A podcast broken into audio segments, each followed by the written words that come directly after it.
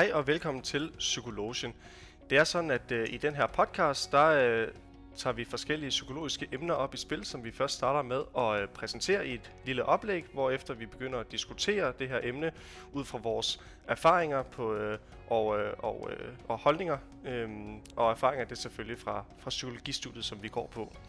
Og øh, jeg hedder Alexander Gammelholm, og med mig har jeg som altid Niklas Kroner. Og Lukas Toft Hansen. Og det er Niklas, der har et emne med i dag. Og øh, jeg kaster bare bolden over med det samme til dig, Niklas. Yes, jamen øh, i dag skal vi først snakke om en, øh, en ting, som er øh, meget samfundsinteressant. Øh, vi skal simpelthen snakke omkring intelligens. Uh. Ja, det er, en, øh, det er et farligt område, uh. øh, og vi har tænkt, jeg har tænkt mig at gøre det endnu mere farligt i dag. Uh. Øh, men øh, til at gøre det, så vil jeg altså gerne starte med at fortælle en historie. Øh, og øh, som altid, så kan jeg jo godt lide at øh, fortælle historier, for ligesom at lægge teorien op af, så det bliver lidt mere håndgribeligt og konkret.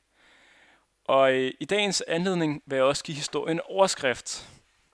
Jeg har valgt at kalde den Circle of Life. Og I finder ud af senere, hvorfor. Jamen, øh, jeg har glædet mig meget til at fortælle den historie, fordi da jeg læste den første gang for et par år siden, så var det, øh, jeg synes, det, jeg synes, den er så sindssygt tragikomisk. Øhm, at jeg egentlig ofte har tænkt på historien lige siden. Men øh, hvis øh, Lukas og Alexander, I tager, mig med, I tager med mig ind i tidsmaskinen, så skruer jeg sgu tiden tilbage til 2014.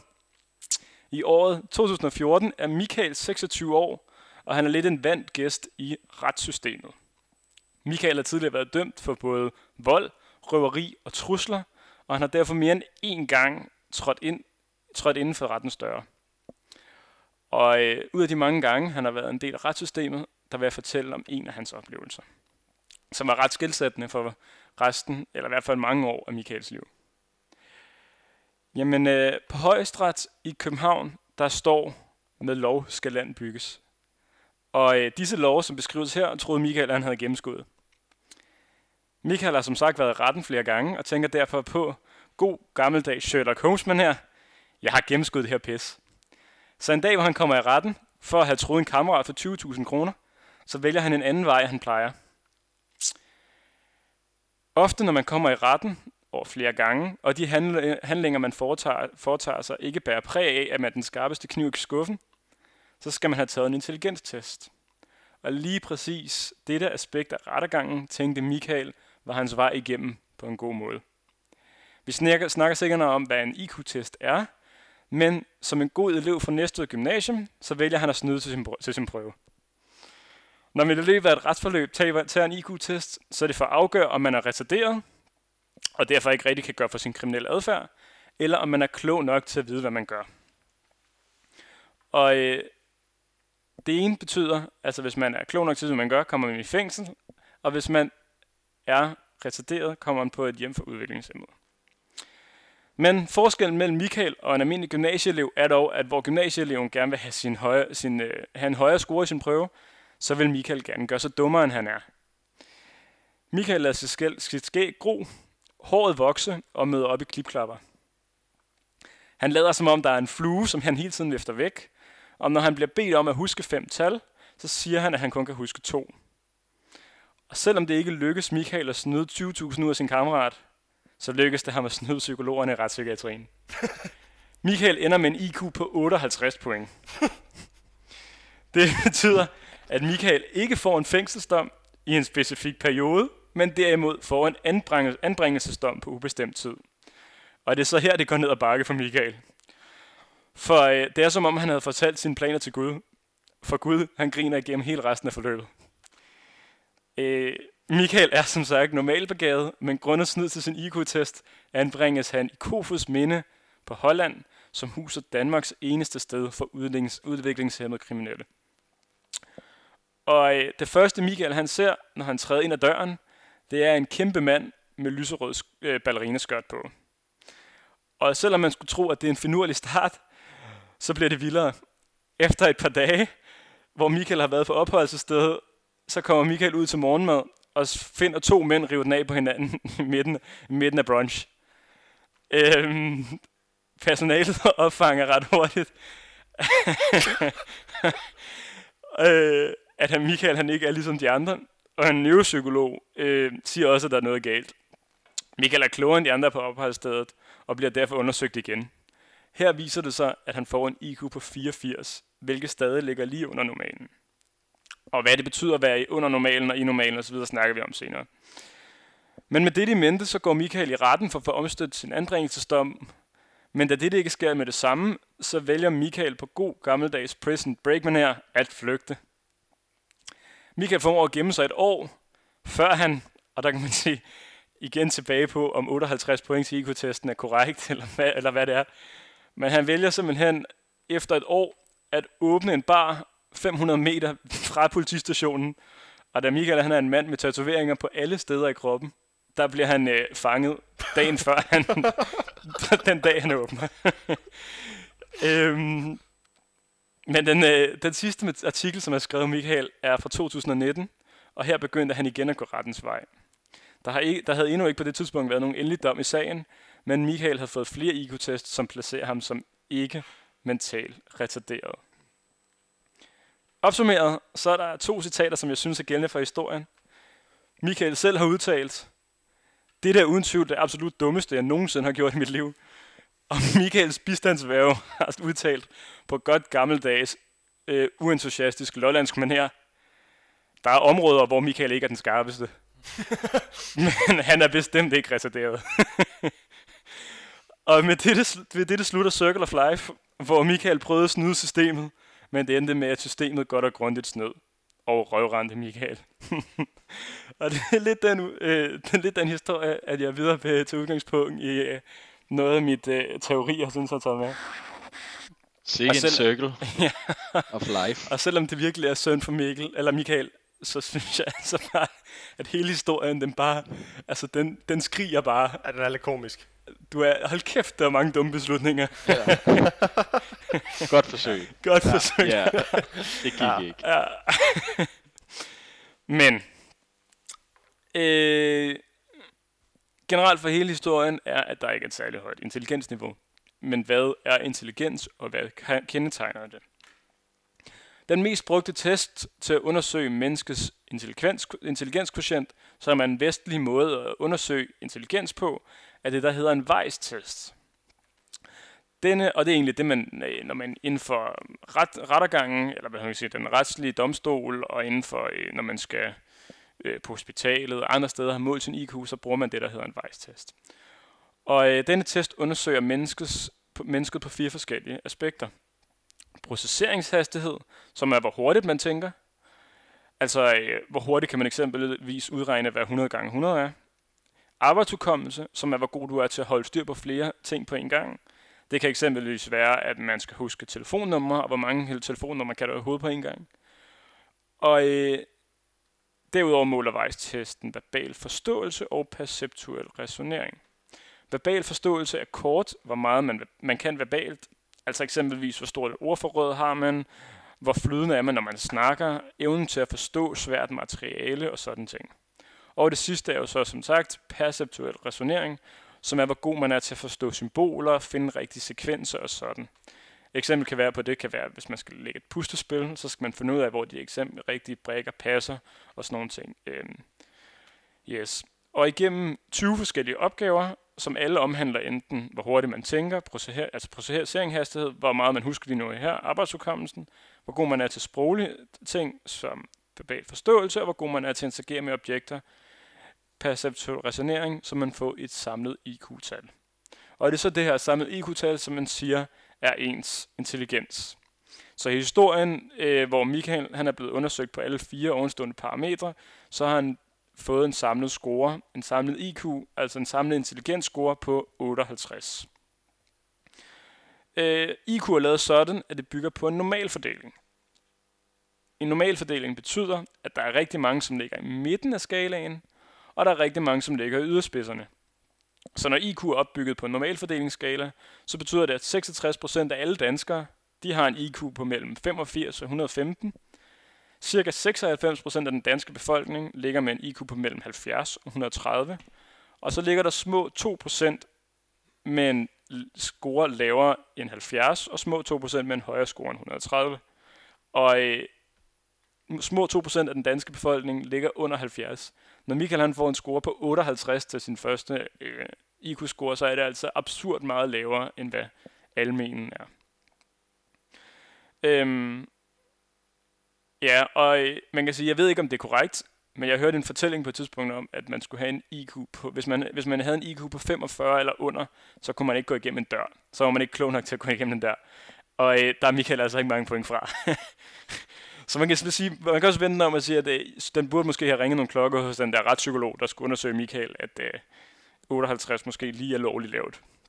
Men øh, undersøgelser på udviklingen i IQ har vist, at man ofte har et udviklingspotentiale, når man snakker om at udvikle sin intelligens. Forskning peger på, at alle mennesker bliver født med forskellige udgangspunkter. Nogle børn bliver født med en disposition for en høj IQ, altså en høj intelligens, hvorimod nogle børn bliver født med en lav IQ. Øh, derefter så har man så nogle udviklingsmuligheder øh, inden for den her disposition. Disse udviklingsmuligheder bruges bedst, når barnet er mellem 5, udvikles bedst, når barnet er mellem 5 og 10 år. Altså fra cirka 0. til 4. klasse. Det er de, disse år, hvor man kan påvirke sit barns IQ mest. Det betyder altså, at selvom man er genetisk er kommet dårligt fra start og har startet med en dårlig disposition af sin intelligens og sin IQ, så øh, kan man altså stadig nå at bevæge sig et ret stykke vej. Og det samme gør sig gældende omvendt, at hvis man er startet på et højt niveau, øh, har nogle gode gener, og derved har et højt, en, høj, en god disposition fra starten af, hvis man ikke stimulerer sin, øh, sin hjerne, så har man derved også øh, man kan sige, mulighed for at blive overhalet af folk, der har øh, starter dårligere fra start, og dermed har man ikke mulighed for at udvikle sit potentiale. IQ er altså ikke determineret, men noget, man, kan, man skal træne for ligesom at få noget højere af. IQ-test bærer både gode og dårlige ting med sig. IQ er en rigtig god præ- øh, prædiktor, altså en forudsiger, for, eller god til at forudsige fremtidig adfærd. IQ er specielt god til at forudsige akademiske præstationer, arbejdsmæssig performance og kognitive dysfunktioner. Øhm, og det er altså IQ-testen her, vi snakker om, hvor IQ og intelligens generelt bare er god til at forudsige, hvor god akademisk du er, og hvor, god, øh, man kan sige, hvor godt du kommer til at gøre det på dit arbejde. Men som det ses i Michaels tilfælde, kan man blive klassificeret forkert, hvilket kan have fatale konsekvenser. For selvom IQ er rigtig god i den vestlige verden til, verden til at forudse succes på jobbet i fremtiden, hvor gode karakterer man får, og øh, så kan en misfortolkning af IQ-tests øh, ske i flere tilfælde, og det er ikke kun sket i Michaels tilfælde. Mange har igennem historien argumenterede for, at de asiatiske og afrikanske raser var meget dummere end de vestlige, fordi de gennemsnitligt havde en lavere intelligenskvotient, og derfor også var mindre kloge end os øhm, vestlige hvide mennesker. Problemet er dog, at IQ-testen bygger på egenskaber, som vi træner i den vestlige folkeskole. Andre lande, som har nogle andre tilgang til læring, end vi har i den vestlige verden, vil altså ikke få trænet de egenskaber, som IQ-testen bygger på. Øh, det betyder altså, fordi man en, øh, som en anden etnisk race, at, man er, at hvis man er en anden etnisk race end vestlig, og ikke får en god IQ-score, så betyder det altså ikke, at man er dummere. Det betyder bare, at man har trænet nogle andre egenskaber. Øhm, et eksempel kan være, at man i den vestlige verden går rigtig meget i skole og træner rigtig meget for eksempel matematik og logisk tænkning, og skal lave rigtig meget af det i den vestlige folkeskolen. Hvis man dermed går ned i nogle af de afrikanske stammer og sådan nogle ting, så er det, hvad, hvad to gange to er, er ikke lige så vigtigt som, øh, hvordan øh, jæger man, og hvordan øh, hvad hedder det, gør man andre ting, og det er derfor, at man kan sige, det er så derfor, at man er klog på forskellige områder. Øh, men det med at være klog på andre må, øh, områder end kun IQ, det kommer vi til at snakke om senere. Og med det, der afslutter mit oplæg. Alexander Lukas, hvad siger I til, til det her? Har I nogle kommentarer til det hele? Jamen, øh, først og fremmest tak for oplæg. øh, synes, det var en god historie. Øh, sjov historie. tror jeg godt, man, øh, man kan tillade sig at sige. Øh, ja, altså jeg, jeg sidder og tænker, at, at det her med bare begrebet IQ og intelligens, at det er noget, som, som øh, altså, jeg tror ikke, at det er meget forkert, hvis jeg siger, at for mange kan det være et ømt punkt at snakke om. Øhm, og derfor så, øh, altså jeg føler, at det stadigvæk er, er noget, der er vigtigt at snakke om, men som du også siger, så afhænger det også rigtig meget omkring konteksten, det afhænger omkring, øh, hvilke egenskaber testen måler på, og hvad betegner vi som intelligens. Øh, men det her med, at man for eksempel, altså det er jo rigtigt nok, at der kan være nogen, der er mere disponeret for eksempel øh, til at starte med, men det er stadigvæk en ting, som, som udvikler sig, altså intelligens, eller det kan udvikle sig. Og så igen, så er det også et spørgsmål omkring, jamen, hvad definerer vi egentlig intelligens som, i forhold til det her med, at nogen er født med nogle egenskaber. Jamen, hvad er det for nogle egenskaber? Og hvad hører det under intelligens? Ja, øh, jeg tænker også, at det kan være sådan tabuiseret og misforstået, hvis man ikke, øh, altså hvis man tror, at man kan definere folk ud fra et IQ-tal, øh, og det er ligesom det. Øh, fordi der er mange flere aspekter, men du er jo også inde på det. Der kan også være andre typer intelligenser. Øh, nu snakker vi, eller kommer til at snakke om musikpsykologi. Øh, der er jo også øh, nogle kreative evner, eller musikalske evner, kropslige ting. Øh, man taler om forskellige typer intelligens, og, og man kan sige, Weisen, som er den her test, øh, man oftest bruger, den måler øh, et koncept eller et fænomen af intelligensen. Ja, det ja. er rigtigt. Det er rigtigt. Det kommer vi faktisk, øh, det er faktisk en meget naturlig overgang til øh, den første del, jeg har valgt at tage med i diskussionen, øh, som egentlig handler omkring Gardners 7 plus minus 2 intelligenser. Og øh, det er egentlig øh, plus minus 2, fordi at han oprindeligt havde 7, og så senere hen har man ligesom videreudbygget dem, og så øh, fundet ud af, at der nok er to mere.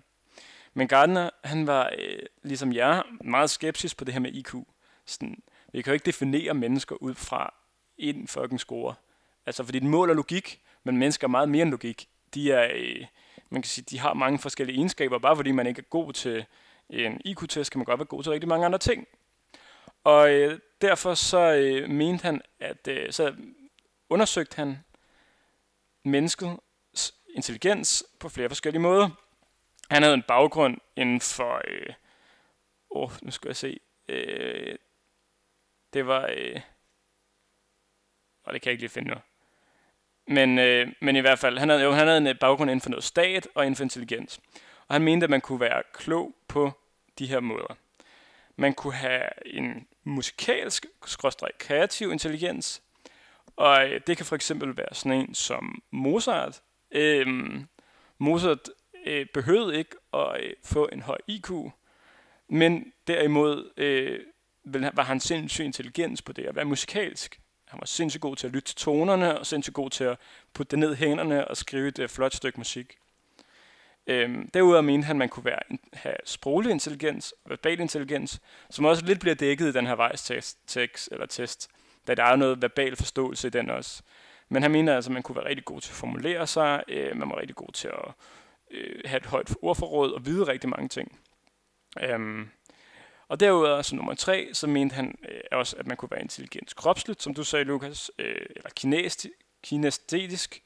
Øhm, og der mente han sådan noget som for eksempel, lad os sige for eksempel udgangspunkt i Ronaldo, eller øh, man kan sige, det er kendetegnet, at der er rigtig mange fodboldspillere, som er, fandme, som er altså sådan, ikke specielt intelligente og laver mange dumme ting, men til gengæld så er de rigtig, rigtig gode øh, til at styre deres krop, og har en masse evner, der gør, at de er rigtig gode til at ud, øh, udfolde sig sportsligt. Og det mente han var en intelligens, at man kunne øh, men man, man var sindssygt god øh, øh, kropsligt. Og udover sport, så er det også noget som håndværkere, snakker han også om her, at folk, der er rigtig gode til at bruge deres hænder, også har en øh, høj intelligens her. Og derudover så øh, mente han ligesom øh, intelligens, eller IQ'en, IQ-testen, vejstesten, at øh, man også har en logisk intelligens, og det er nogenlunde det samme, at de måler lidt det samme, at øh, har man en høj IQ, har man også rigtig øh, ofte en høj øh, øh logisk sans, og der mente han nemlig også, at det var en intelligens. Og så mente han, at øh, en, øh, man kunne være intelligens i forhold til sådan noget visuelt rumlig forståelse, øh, spatial intelligens, og det er for eksempel sådan noget som ingeniører og murer. Øh, altså jeg synes, jeg synes stadig, det er sindssygt imponerende, når en, øh, for eksempel en murer kan se på et bygningsværk, og så se, hvad der er galt. Altså forstå billederne, og så trække dem ind, og så øh, finde ud af, hvad der skal gøres for at rette det. Eller at en, øh, arkitekter for eksempel kan se en hel bygning for deres øjne, og så tegne den ind. Øhm, så det mener han var intelligens også. Øhm, og så, oh, så jeg, det kan, jeg tænker, at det kan også være sådan noget som for eksempel, hvor god man er til at læse kort, altså noget visuelt oh. specielt, sådan noget med se på et kort, så lægge det væk, og så bare kunne memorere i, altså sådan i hovedet, hvordan vejen fra, fra hjemmet til McDonald's, eller hvor, hvor, ja, man, ja, nu skal, lige præcis. hvor man nu skal hen. Ja, ja. lige præcis. Øhm, ja, ja, præcis. Man kan, man kan lidt forestille sig, jeg ved ikke, hvor mange... Har I set The Good Doctor-serien? Jeg har set noget af den, ja. Nå, men han, det er jo i hvert fald sådan en autist, som har et øh, syndrom, som gør, at han er hyperintelligent. Og når de viser de ting, han tænker, så tager de sådan op i billeder. Så øh, for eksempel, så, skal han, så er han kirurg, og så skal han finde ud af, hvor der han skal stoppe en blødning. Og så, når han, så stopper han med at lave alt, og så kigger han ud foran sig, og så kommer der sådan nogle billeder op, hvor han ligesom scanner hele kroppen i forhold til, hvor der kunne være en fejl. Og det er lidt det, mange gør, når de læser kort. Så kigger de på et kort, og så får de billeder op foran sig i forhold til, man skal.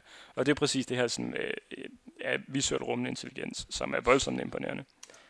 Øhm, og så mente han derudover også, at der var noget, der hed inter- interpersonel intelligens, som er bare, hvor god er man til at begå sig i sociale miljøer, og hvor god er man til at snakke med andre folk og sådan noget.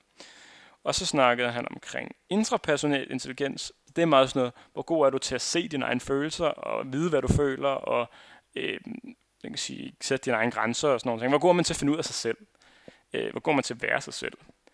Og så, det var så de første syv, som han øh, fandt på, og så er der senere hen været to, som er lidt mere fluffy, som er blevet tilføjet. Øhm, men øh, den 8. er noget, der bliver kaldt den naturalistiske intelligens, som er, at en person er god til at klassificere og genkende ting i naturen. Og det er lidt en, jeg kan sige, en, en miskmask af nogle af dem, der tidligere har været. En, man kan sige, en, øh, en drink, hvor man putter forskellige i, og så kommer frem til et resultat. Øhm, den er for eksempel, hvis man er biolog, så kan man kigge på et dyr, og så kan man sammenslætte alle mulige forskellige ting, og så kan man kategorisere den i en kategori. Og det er det, man mener, den naturalistiske intelligens er. Det er, at man kan stykke en masse forskellige delstumper sammen til én ting, og så kategorisere dem, og det hele foregår i en proces. Øhm, og så den sidste del, det er eksistentielle intelligens. Skrådstræk livsklog intelligens. Og det er den 9. og sidste, og det er det her med at kunne handle i overensstemmelse med egne troer og værdier. Kunne forstå mening, Hvorfor lever vi, som vi gør? Hvad er meningen med livet? Og prøve at finde ud af de her ting. Og øh, det mente han også var en måde, man kunne være klog på. Og det er så ofte sådan noget, for eksempel filosofer er sindssygt gode til, og den vej de er intelligent på. Men det var lidt en lang smør. Ni intelligenser. Øhm, hvad tænker I om det, den her teori? Jeg tænker, at, øh, at det er en interessant teori, fordi at vi skal også passe på ikke at komme til at stigmatisere og tabuisere intelligensbegrebet. Så jeg tror, det er godt, at der findes nogle alternativer i forhold til den her vejs, som vi har snakket om. Den er god til at øh, forudse øh, adfærd, øh, altså for, øh, akademisk øh, formåen og arbejdsmæssig præstation, kognitiv, øh, inden for de fire områder, som vejsen nu måler. Øh, men, og, og det er så måske det intelligensbegreb, som mange tænker er, at ligesom det er, hvor klog du er, hvor intelligent du er. Det er, hvor, hvor godt du, hvor, hvor gode karakterer du får i skolen, eller hvor godt du klarer dig på arbejdet. Øh, men jeg tror, at det er vigtigt, at der findes nogle alternativer øh, til mennesker, som for eksempel Mozart. Nu ved vi ikke, om han... Øh, altså, det kan jo godt overlappe, at man er intelligent på flere områder. Men jeg tror, det er godt, at der findes øh, forskellige typer intelligens, for det har vi også brug for øh, som samfund og i det hele taget. Ja, og også det her med, at, at, at, at hurtigt, hvis, hvis det er, at man taler intelligent, så kan man hurtigt komme til os, som du siger, øh, Lukas, jamen så klassificerer man, eller så putter man folk i bokse. Øh, men, men det er jo mere, at vi prøver at sætte nogle, så grunden til, at vi gør det, er jo også for at sætte nogle ord på, jamen hvad er, det, hvad er vi for nogle personer, hvad er vi for nogle mennesker, hvordan er det, vi tænker. Øh, og det er jo også noget, som, altså det at tale om intelligens kan. Øh, jeg kommer også til at tænke på en rigtig god bog, øh, skrevet af David Goldman, det er Følelsernes Intelligens, Øhm, super spændende bog, øh, så, så hvis man ikke har læst den, så vil jeg klart anbefale den. Hvor han blandt andet snakker omkring, jamen, hvad forstår vi ved intelligens, og bare det, den forskellige altså, måder at forstå intelligens på, påvirker også den måde, vi altså selv er intelligente på.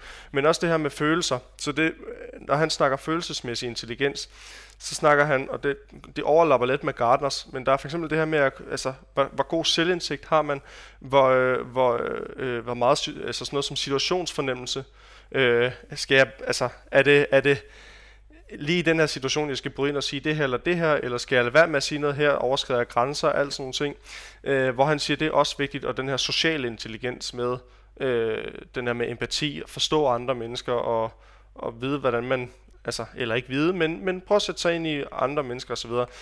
Jeg tænker, det er også noget, der, øh, ja, det er, jo, det er jo en anden side af, af det, som man ellers måske mange mennesker forbinder med intelligens, hvor det, det kan hurtigt blive, at det er logisk, matematisk intelligens, ikke? Jo, jeg tænker også bare sådan, en, det er en ret tanke, at, at der er mere, at man ikke lige så snart i øh, fem, hvad man kan sige, når man er 11 år, og det der peak, hvor man kan øh, højne sin intelligens derovre, og man lige lander nede i bunden, at man er sådan sådan, nå, nu er jeg ude.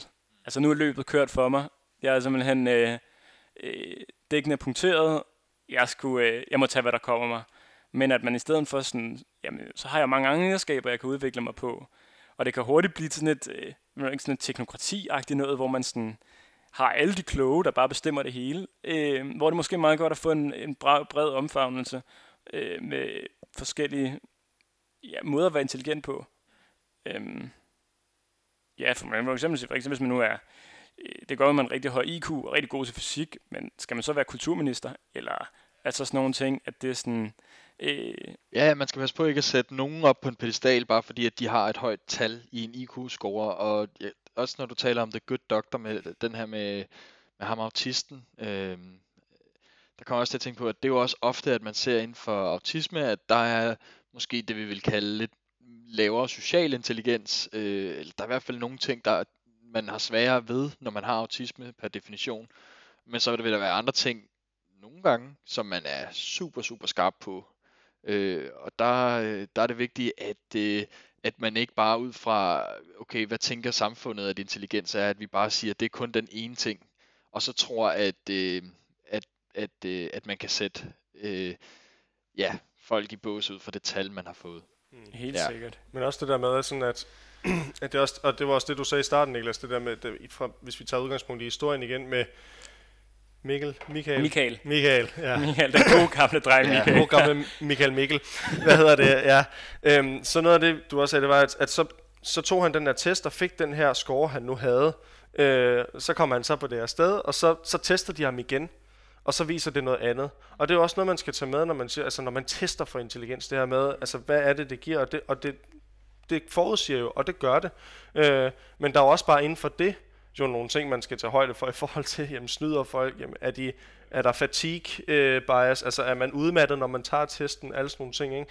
Øhm, hvor man, det skal man også øh, have med i mente, det, og det er derfor, man også siger, jamen, man, altså så tester man igen, ikke? For, for ligesom at, at se, jamen, altså kan vi kontrollere for, om det rent faktisk er et, er et, er et nuanceret svar, vi får, ud af den her intelligenstest. Ja, man så det også i, øh, i Norge med Anders Breivik der, man skulle finde ud af, hvor han skulle placeres, om han var sindssyg, eller om han var ikke sindssyg. Og der er også nogle test, ligesom intelligenstest, det er ofte i retssystemet, at, ja. at man bliver nødt til at sige, okay, hvor placerer vi den her person? Vi bliver nødt til at give personen et tal, øh, som vi kan arbejde med. Og, og derfor så er, er det jo også rigtig godt, at vi har øh, synes jeg, øh, vejstesten, øh, som Helt er sikkert. valideret på tværs af, ja, i hvert fald den vestlige verden, ikke også?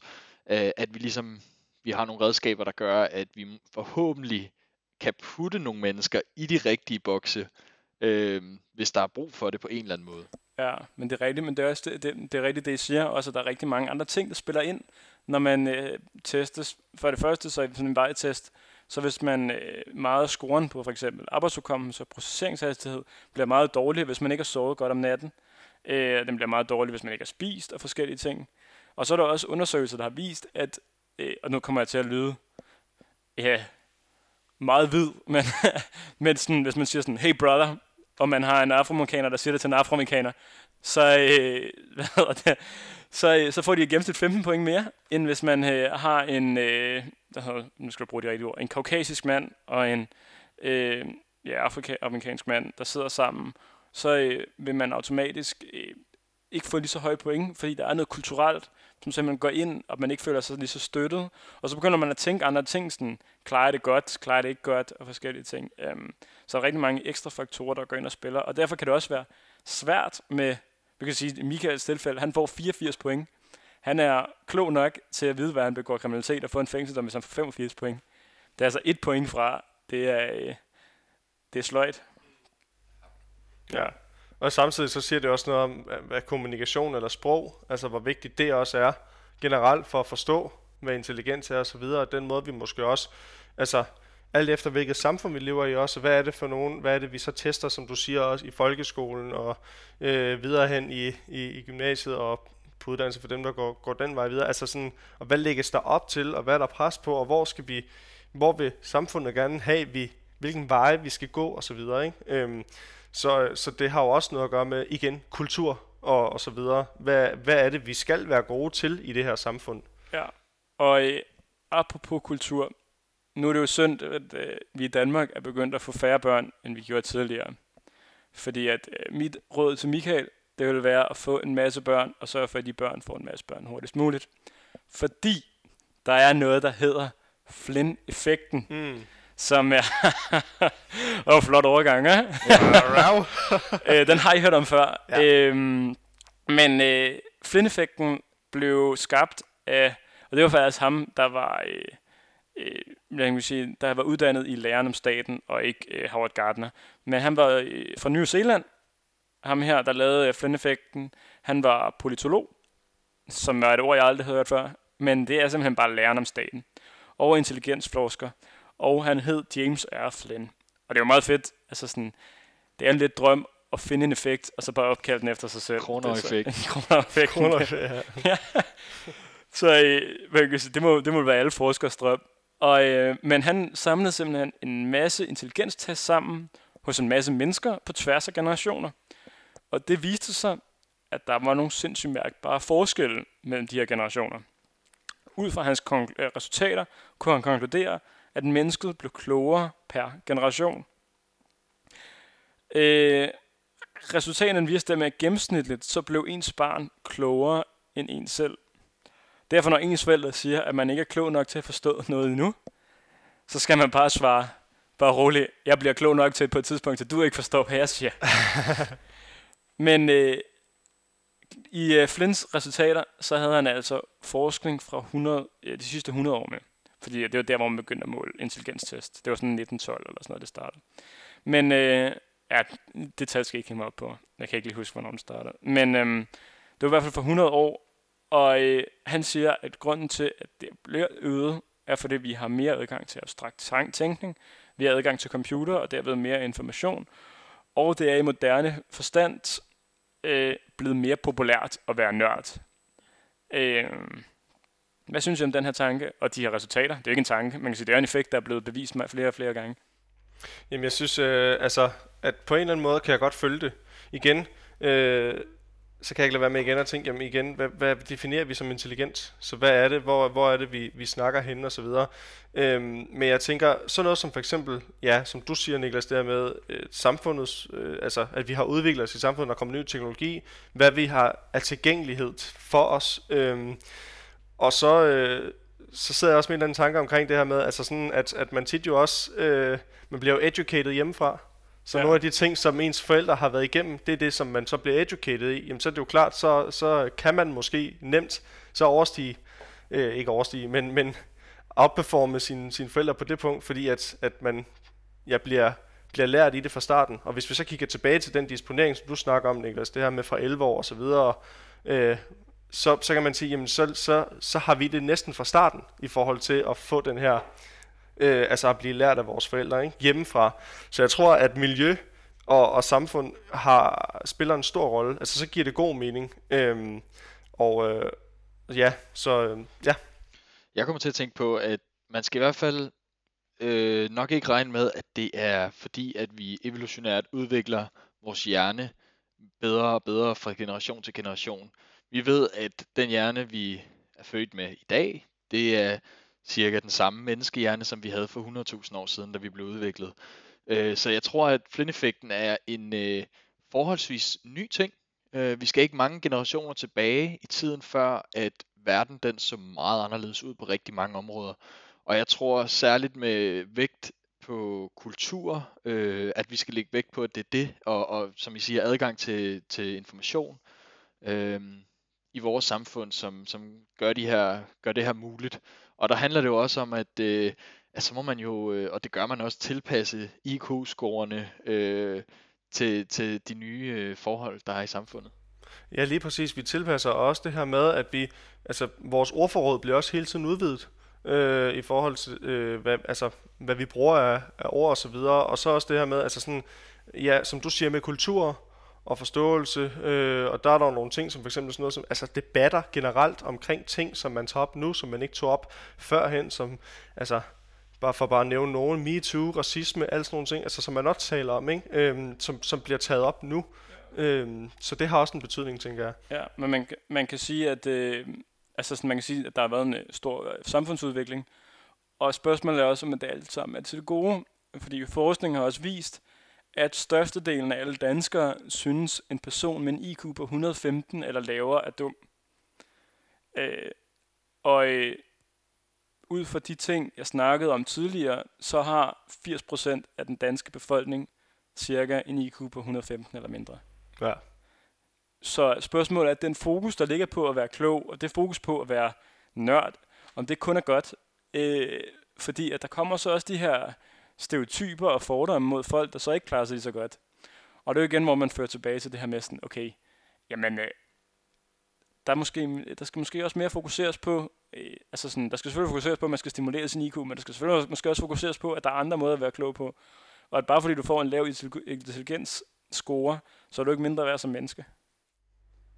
Nej, og det er, som du siger, Niklas, det er med, altså sådan den måde, vi også lægger vægt på i forhold til, hvad vi tænker er at være klog eller at være dum. Altså, som, og bare de to ord. Altså, det er sådan, der, der, der puttes rigtig meget bare sådan prestige eller fordom på de to ord. Altså sådan dum, det forbinder man med noget negativt, altså virkelig negativt, og, og klog forbinder man med noget, altså noget positivt, ikke? Øhm, så det er også, hvordan vi, vi tilgår det og så videre.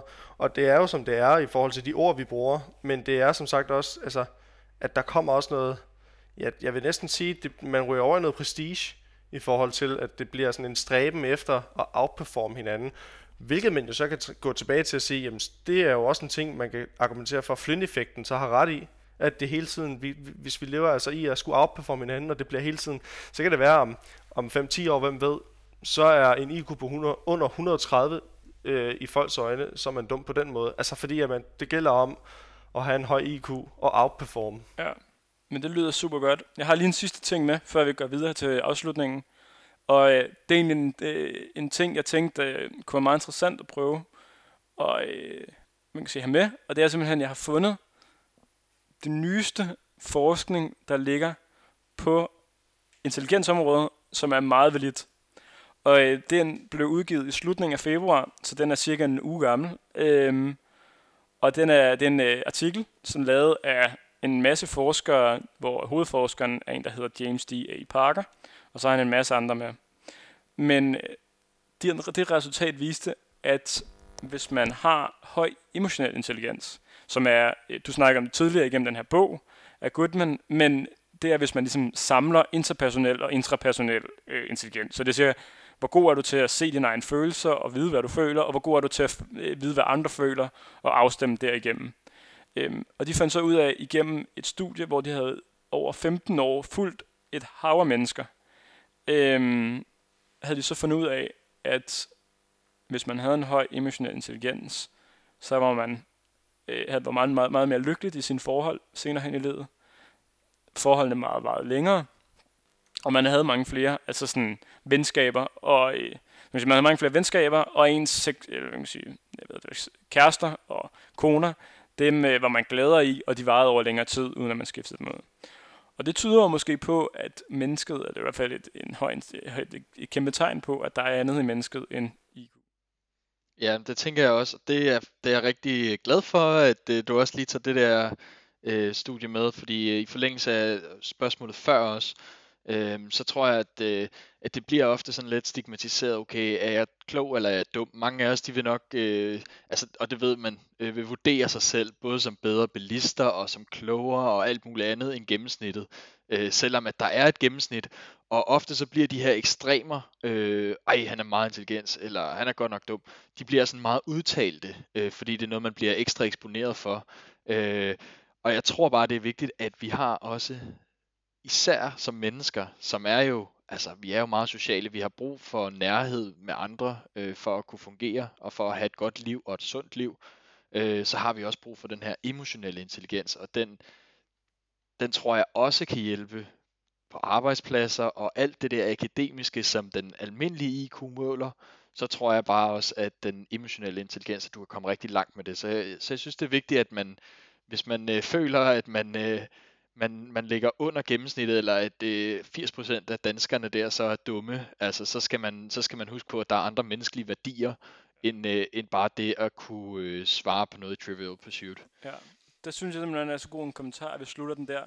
Og, øh, men jeg laver lige en sideløb, fordi den er slut nu. Men, Men den er ikke slut. men den er ikke slut, fordi det er ligesom sådan en, øh, det er ligesom, øh, man kan sige, det er ligesom bagefter. Nu kommer rulleteksterne, og så kommer der lige nogle billeder. En post-credit scene. Post-credit scene. Og øh, det er fordi, du snakkede omkring, øh, at man synes, man var en bedre bilist end andre. Og jeg læste en artikel for et par år siden, og jeg kan ikke huske præcis, hvad tallene var. Men det var sådan noget med, at 90% af alle danskere følte, at de var en bedre bilist end de andre. Ja, Eller sådan præcis. 98% af alle Ja, ja. danskere var en Ja. bedre bilist end andre. Og det var bare sådan... Altså, jeg har, jeg har, øh, min, jeg har kørt med min far mange gange, og han laver ikke andet end at sidde og råbe, øh, sidde og råbe de andre, og være sådan, fucking lort, hvorfor kan, det, hvorfor kan folk ikke køre ordentligt? Mm. Og jeg sad, jeg, efter jeg læste den, så sad jeg bare og tænkte på, ham han råber af, sidder garanteret også og råber af Ja. os. Sådan. Man bliver utrolig, hvad hedder sådan noget, man får utrolig meget selvtillid, når man kører bil. sådan virkelig en tro på sig selv, at man er den Lige bedste. Præcis, lige Ja. præcis. Men øhm, det tager simpelthen videre til øh, afslutningen, som er øh, Det er SP eller K, ja. Og øh, Lukas, Det, det står jeg simpelthen for, og i dag der vil jeg selv starte simpelthen med at vælge, hmm, jeg tror jeg vælger et K faktisk. K. Ja. Okay, spændende. Jamen, øh, K, der har jeg simpelthen et spørgsmål, der lyder, hvis du skal give et skud på din egen IQ, hvad Ah, vil det så være? ja, men øh, som sagt, så øh, Realistisk bud. ja, et realistisk bud. Ved du hvad, det er sjovt, fordi jeg kunne virkelig, vildt godt tænke mig at få det målt, og jeg har prøvet sådan nogle øh, internet øh, der, som måske ikke er helt pålidelige. Øhm, det kommer an på, hvilken type test du gerne vil have, men hvis det skal være den klassiske... Den klassiske. Ej, ved du hvad, jeg Nej, men håber... det er jo sjovere, du ikke har fået, du er sjovere, du ikke har fået testet den, så nu er det bare, altså, hvor selvfed er du? Det er det, vi måler. Ja, det er det faktisk lidt, ikke? Fordi det er også... Ja. Øhm, ej, jeg vil sige, hvad var det Einstein slå på? Var det 170? Ja, det eller passer meget er det ikke det omkring, vi er oppe, tror jeg? ja. Ej, jeg, jeg tror, jeg ligger øh, rent statistisk, fordi jeg går på universitetet og så videre, så tror jeg, jeg ligger over 115. Men øh, præcis hvad jeg ligger, det ved jeg faktisk ikke. Okay. Så du vil ikke give et endeligt tal? Jo, men ved du hvad? Nej, det, det vil jeg faktisk ikke. Det vil jeg det, det, og der kommer det der tabu, tabu ind igen, ikke? Ja. Fordi jeg er bange for, hvis jeg siger noget, der er for højt, og det så ikke er rigtigt, så, ej, så, så, så bliver jeg sådan Karl Smart, og jeg vil heller ikke sige noget, Så- der er for lavt, vel? Nej, men det er rigtigt. Det, Så- det er rigtigt. Men nogle gange skal man gå i de fodspor, fodspor der er lagt jo. Jeg siger øh, 120. Okay, Det synes jeg er et pænt tal. pænt tal. Så siger vi er det. godt. Okay, men øhm, Så, øh, så er det Alexander, og øh, det er så P eller S. Ja. Jamen, øh, jeg tager et P. P. Hvor mange procent sætter du på, at IQ det er determinerende for dig som person? Ja. Så er det jo spændende, og altså, må jeg så selv tolke på, hvad IQ, IQ er? Nej, eller IQ, taler vi IQ, vejs? IQ måles på vejs. IQ mål, mål på vejs. Øhm, uha, den er interessant faktisk. Det er faktisk en interessant procent for en gang skyld. Øhm, Okay. Fordi at... For Øh, en gang skyld. Efter, efter det 11. afsnit, så, ja, Så eller 12. afsnit. nej. Øhm, jamen, øh, hmm, jeg tror, øh, at hvis, altså, sådan, i forhold til, hvor determinerende det er for mig, så vil jeg næsten sige, at den ligger på en 15 eller 20 procent. Øh, skal jeg argumentere hvorfor? En ting er, at Altså vil- fedt, man stiller spørgsmål til sig selv, for så. Hvis jeg andre ikke gider spørge mig, så kan jeg da godt selv Jeg spørge bare mig selv, okay? ja. Øh, nej, så, så er det fordi, nu, nu det ligger, altså sådan et spørgsmål ligger op til i forhold til determineret.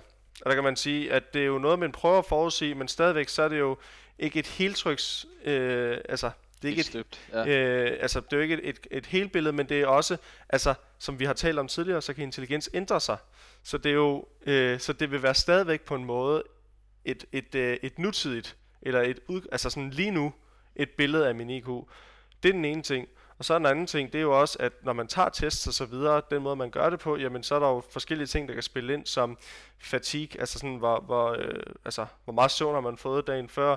Øh, nu vil jeg nok selv have fået søvn nok, for jeg er en, der forbereder mig. Men sådan noget som for eksempel også præstationsangst og så videre, og den måde, man bliver støttet på og så videre, tænker jeg også har en, en idé. Og så er jeg selv super meget fortæller for noget af det, vi har snakket om tidligere, at IQ er mange forskellige ting. Det er ikke bare logisk, matematisk øh, eller perception, øh, appertukommelse osv. Det er også de her følelsesmæssige intelligens osv. Så, så jeg vil sætte den på 20%.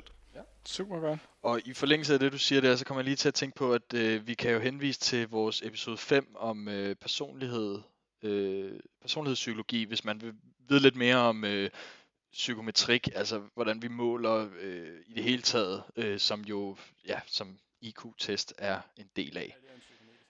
Ja, og, og, og det handler om de her biases, der er, og alle de der forbehold, man skal tage, når man, når man måler på mennesker.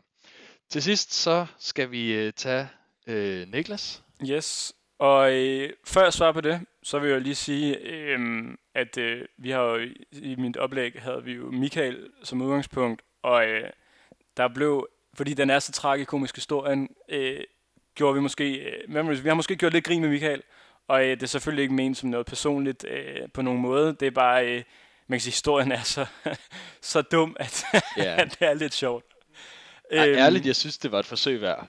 Ja. Og nu har det prøvet, og så, øh, så der har mange, man lært Jeg har da også tænkt over tidligere i mit liv, sådan, kan man ikke bare snyde? Altså, ja, ja. Men, øh, så slipper man fra fængsel. Går, går den, så går den.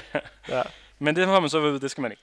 Men øh, sandhedsspørgsmålet, det er, hvor mange procent af den danske befolkning lå mellem en IQ på 70 og 130. Har du hørt efter i dit eget oplæg? Det har jeg. Øh, 96 procent af den danske befolkning. Det lå simpelthen mellem øh, 70 og 130.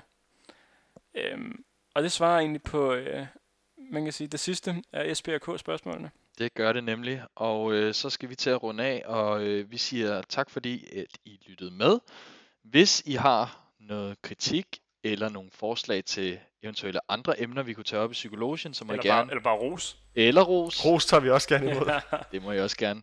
Så må I sende det på øh, psykologen, eller psykologien.odense Vi takker fordi I lyttede med, og vi lyttes ved i næste uge.